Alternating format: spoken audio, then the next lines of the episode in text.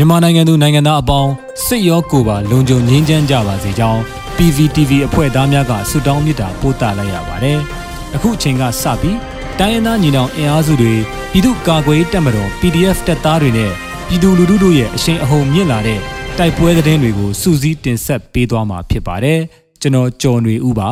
။ပထမဆုံးအနေနဲ့ ကလေးမျိုးနယ်တောင်ပိုင်းနတ်ချောင်းကျင်းရွာနီးစစ်ကောင်စီတပ်ဖွဲ့နဲ့ဒေသကာကွယ်တပ်ဖွဲ့များကြားတိုက်ပွဲဖြစ်ပြီးစစ်သား9ဦးသေဆုံးတဲ့တဲ့တင်ကိုတင်ဆက်ပါမယ်။စကိုင်းတိုင်းကလေးမျိုးနယ်တောင်ပိုင်းနတ်ချောင်းကျင်းရွာနီးစစ်ကြောင်းထိုးလာတဲ့အကြမ်းဖက်စစ်ကောင်စီတပ်ဖွဲ့ကိုဒေသကာကွယ်တပ်ဖွဲ့များဖြစ်တဲ့ VAKOK CNDF နဲ့ပကဖပူးပေါင်းတပ်ဖွဲ့များကယနေ့ AB လ24ရက်နနက်10:00နာရီခွဲခန့်မှာခြုံခိုတိုက်ခိုက်ရာစစ်သား9ဦးနေရာမှာတေဆုံးကြောင်းသတင်းရရှိပါရယ် စစ်ကောင်စီတပ်ဖွဲ့ဟာမိုင်းဆွဲခံရမှာဆိုပြီးကားလန်အတိုင်းမလာဘဲတောလန်အတိုင်းလာစဉ်ခြုံခိုတိုက်ခိုက်ခံရခြင်းပါ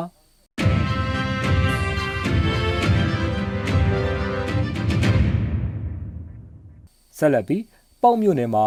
နှစ်ရက်အတွင်းတိုက်ပွဲမှာစစ်သား9ဦးသေဆုံးတဲ့တဲ့တင်ကိုတင်ဆက်မှာပါ မကွေးတိုင်းပေါ့မြို့နယ်ညောင်ရင်ကျေးရွာအနီးမှာအင်အား80ခန့်ရှိအကြမ်းဖက်စစ်ကောင်စီတပ်ဖွဲ့ကိုယမနေ့ AB လ23ရက်နနက်10:00နာရီခန့်မှာဒေသကာကွယ်မဟာမိတ်တပ်ဖွဲ့များကမိုင်းဆွဲပစ်ခတ်တိုက်ခိုက်ခဲ့ပြီးစစ်သား2ဦးသေဆုံးကအများအပြားဒဏ်ရာရကြောင်းသတင်းရရှိပါရယ်။အဆိုပါစစ်ကောင်စီတပ်ဖွဲ့ဟာဇီးပြားကြီးရွာဘက်ကိုစစ်ကြောင်းထိုးလာစဉ်ညောင်ရင်ရွာအနီးမှာမိုင်းဆွဲတိုက်ခိုက်ခံရခြင်းပါ။ နှစ်ဖက်ပစ်ခတ်တိုက်ခိုက်မှုဟာတနအီခန့်ကြာမြင့်ကြောင်းစစ်ကောင်စီတပ်ဖွဲ့ကိုမြိုင်မြို့နယ်ပြည်သူ့ကာကွယ်တပ်ဖွဲ့နဲ့ပေါက်တောင်ပိုင်းတိန်လွာအဖွဲ့တို့ကပူးပေါင်းတိုက်ခိုက်ခဲ့ပြီးအထိကိမရှိစုခွာနိုင်ခဲ့ကြောင်းသိရှိရပါတယ်။ AB လ23ရက်မှာလဲပေါ့မြို့နယ်စသိန်းရွာတို့အင်အား80ခန့်ဖြင့်စစ်ကြောင်းထိုးလာတဲ့အကြမ်းဖက်စစ်ကောင်စီတပ်ဖွဲ့ကိုပခုတ်ကူတော်လှန်ရေးတပ်ဦး PRF ပခုတ်ကူ Generation Z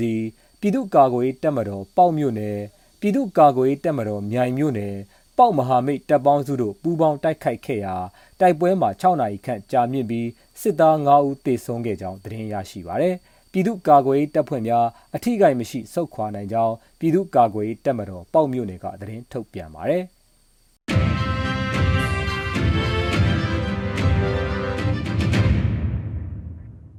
စစ်ကောင်စီရဲ့ 4K စကန်နဲ့ဝင်းတာပန်စကန်များတတ်မှတ်ရအတွင်းမရုပ်သိမ်း၍ KNL နဲ့ KNDO သတိပေးပစ်ခတ်တဲ့သတင်းကိုဆက်လက်တင်ဆက်ပါမယ်။ကရင်မျိုးသားစီယုံ KNU တပ်မဟာ1နယ်မြေဘီလင်းမြို့နယ် 4K စကန်နဲ့ဝင်းတာပန်စကန်ရှိအကြမ်းဖက်စစ်ကောင်စီတပ်ဖွဲ့ဝင်များနဲ့လက်ပါစီ BGF များကို KNDO က AB လ23ရက်ညနေ6နာရီမှာစခန်းများကစုတ်ခွာရန်စာထုတ်သတိပေးခဲ့တော်လဲ စုတ်ခွာခြင်းမရှိတာကြောင့်သတိပေးပစ်ခတ်ခဲ့ကြောင်းကရင်မျိုးသားကာကွယ်ရေးတပ်ဖွဲ့ KNDO ထံမှသိရပါဗျ။ KNDO ကအဆိုပါစခန်းများကိုလက်နက်ကြီးလက်နက်ငယ်များဖြင့်ပစ်ခတ်ခြင်း drone ဖြင့်ဘုံကျဲခြင်းများပြုလုပ်ခဲ့တာပါ။ 4K စခန်းမှာစစ်သား90ဦးကျော်နဲ့ BGF 30ခန့်ရှိကြောင်း KNDO ကသတိပေးကြေညာချက်ထုတ်ပြန်ပြီးနောက်စခန်းမှာစွန့်ခွာလိုသူအချို့နဲ့ပူးပေါင်းလိုသူအချို့ကဆက်သွယ်လာခဲ့ကြောင်းအချို့ကမူတတ်မှတ်ရက်တိုးမြင့်ပေးရန်တောင်းဆိုကြောင်း KNDO ထံမှသိရှိရပါတယ်။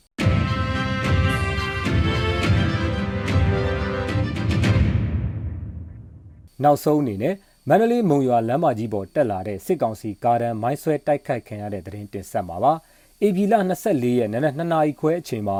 မန္တလေးမုံရွာလမ်းမကြီးပေါ်တက်လာတဲ့အိမ်စီးကားအသေး3စီးနဲ့ကန်တာကားကြီး2စီးကိုမဟာမိတ်များပူးပေါင်းကဗျူဟာမြောက်မိုင်းဆွဲတိုက်ခိုက်ခဲ့လို့ စစ်ကောင်စီကား2စီးပျက်စီးသွားပြီးအများအပြားထိခိုက်ခဲ့တယ်လို့ဒေသခံကာကွယ်ရေးအဖွဲ့တွေကထုတ်ပြန်ပါတယ်။မုံမန်းလမ်းပေါ်မောင်းလာတဲ့ကား၅စီးကိုနက်ရီကန်နဲ့ငါးရှန်ကြားမှာမြင်းမှုမျိုးပြတော်လန်ရေးအဖွဲ့ CRF မြင်းမှုသကိုင်းခရိုင်တပ်ရင်း1 2တက်ခွဲ3မြောင် Union Army MUA မြောင်မြို့နယ်ပြည်သူ့ကာကွယ်ရေးနဲ့လုံခြုံရေးအဖွဲ့ CDSOM Black Eagle Defense Force MMU နဲ့ချောင်းဦး PDF တို့ကပဒေသာမိုင်းနဲ့တိုက်ခိုက်ခဲ့တာလို့ဆိုပါတယ်။ ထိုဖြစ်စဉ်မှာစစ်ကောင်စီရင်နှန်းများအနက်ကားနှစ်စီးမှပျက်စီးသွားခဲ့ပြီးထိခိုက်ဒဏ်ရာရသူ30ကျော်40ခန့်ရှိတယ်လို့ရွာကန်များထံမှသိရပြီးဒေသခံပြည်သူ့ကာကွယ်ရေးတပ်များမှအထိခိုက်မရှိအန္တရာယ်ကင်းစွာပြန်လည်ဆုတ်ခွာနိုင်ခဲ့တယ်လို့ဆိုပါတယ်။အမျိုးသမီးစစ်တီတော်တပ်ရင်းမြောင် M2WE ပဒေသာမိုင်းပံ့ပိုးကူညီမှုဖြင့်မိုင်းစစ်စင်ရေးကိုအကောင့်ထဲပေါ်ဆောင်ရွက်နိုင်ခဲ့တယ်လို့ထုတ်ပြန်ချက်မှာဖော်ပြထားပါတယ်ခင်ဗျာ။